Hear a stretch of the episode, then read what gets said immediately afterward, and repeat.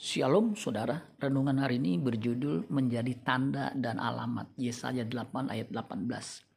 Sesungguhnya aku dan anak-anak yang telah diberikan Tuhan kepadaku adalah tanda dan alamat di antara orang Israel dari Tuhan semesta alam yang diam di gunung Sion.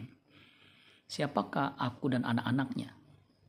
Mereka itu adalah sang nabi yaitu Nabi Yesaya dan kedua anak-anaknya yang takut akan Allah hidup kudus, dan yang menanti-nantikan Tuhan.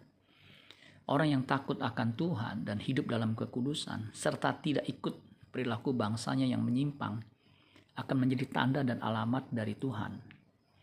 Mereka menjadi bukti bahwa Allah yang mereka sembah adalah Tuhan semesta alam yang hidup dan berkuasa. Yesaya 8 ayat 18 terjemahan firman Allah yang hidup mengatakan, Aku dan anak-anak yang telah dikaruniakan Tuhan kepadaku diberi nama-nama yang mengungkapkan kepada umatnya segala rencana Tuhan semesta alam yang diam di Gunung Sion. Yesaya artinya Tuhan akan menyelamatkan umatnya. Shir Yashub artinya ada sisa yang akan kembali. Sedangkan Maher Shalal Hasibas artinya musuh-musuhmu akan segera dihancurkan. Rencana Allah setelah manusia jatuh dalam dosa adalah rencana keselamatan Rencana itu digenapi di dalam Kristus, Sang Immanuel. Ketika Tuhan Yesus menjadi manusia, ia banyak melakukan mujizat dan tanda-tanda ajaib. Tanda dan mujizat yang dilakukannya supaya orang tahu dan percaya bahwa Yesus adalah utusan Allah. Jika mereka tidak melihat mujizat, mereka tidak akan percaya. Bahkan mereka yang sudah melihat Yesus dan mujizat yang dilakukannya, masih saja ada yang tidak percaya. Ada juga yang percaya tapi takut dan sembunyi-sembunyi. Bahkan setelah Yesus bangkit dan berkali-kali menampakkan diri kepada para muridnya, ada saja yang tidak percaya.